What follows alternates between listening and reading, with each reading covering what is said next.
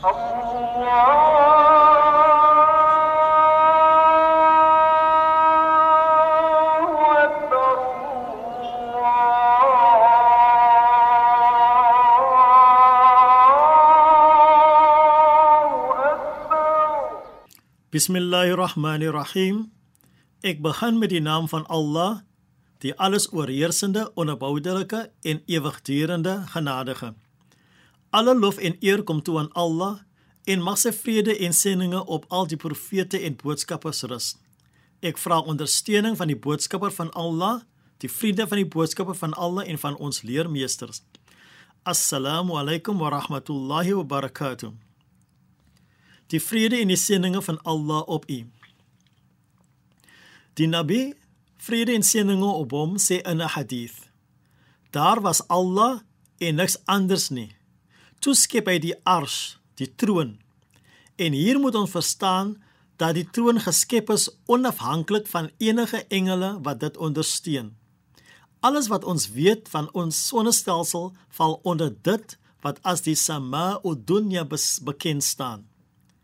Die Nabi het gesê dat die vergelyking van hierdie sonnestel, sonnestelsel met die volgende sama is soos 'n ring wat jy aan jou vinger dra en dit lê in die woestyn.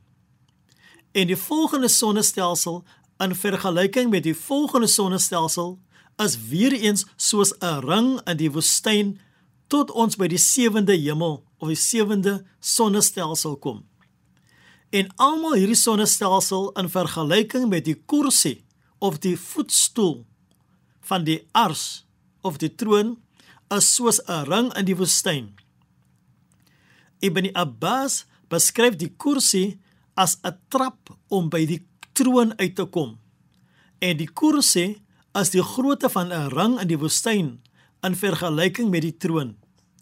En indien die kursie die hele samawati wal ard omvat, kan ons nie onsself indink oor die grootte van die ars nie.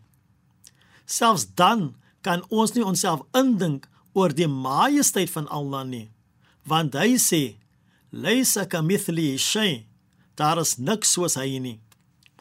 Imam Qurtubi sê dat Allah verwys na homself in baie dele van die Koran as Rabbul Arshil Azim en Rabbul Arshil Majid, Heer van die glorieryke troon.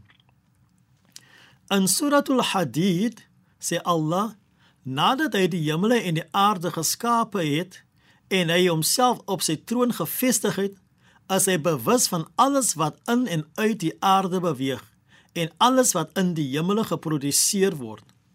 Is Allah bewus van die kleinste besonderheid wat in die hemele en in die aarde gebeur?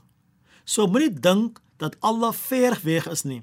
Inderwaarheid is Allah saam met ons ongeag waar ons onsself mag bevind.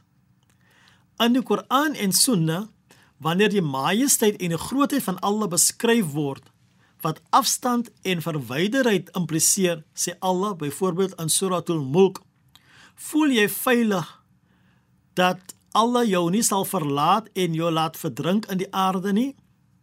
Hier bevestig Allah dat hy ten volle in beheer is. Nog 'n voorbeeld van die nabyheid en die beskerming van Allah is die tyd toe Nabi en Sayyidina Abu Bakr in die grot in die berg van Tour was en die Quraysh hulle gejaag het. Toe Nabi vir Abu Bakr gerusstelling gesê: "Inna Allah ma'ana." Allah is met ons.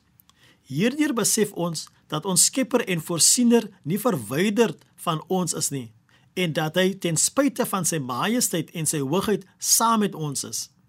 O Allah, is Hayyun al-Qayyum, Rabbul Arshil Azim. Koester ons in u nabyheid. Ons vra dit met die seëninge, die goedheid en die geheimenisse van Surah Al-Fatiha. Bismillahirrahmanirrahim. Ek begin met die naam van Allah, die alles oorheersende en die onophoudelike genadige. Alle lof kom Allah toe, die Heer van die geskaapte orde, die alles oorheersende genadige, die onophoudelike en ewigdurende genadige. Meester van die oordeelsdag. U alleen aanbid ons en U alleen smeek ons om hulp. Lei ons op die regte weg, die weg van hulle wie u guns verdien, nie die weg van hulle op wie u toorn neergedaal het nie, of die weg van hulle wat afgedwaal het nie. Walhamdulillahi rabbil alamin. In alle dank en lof kom toe aan Allah.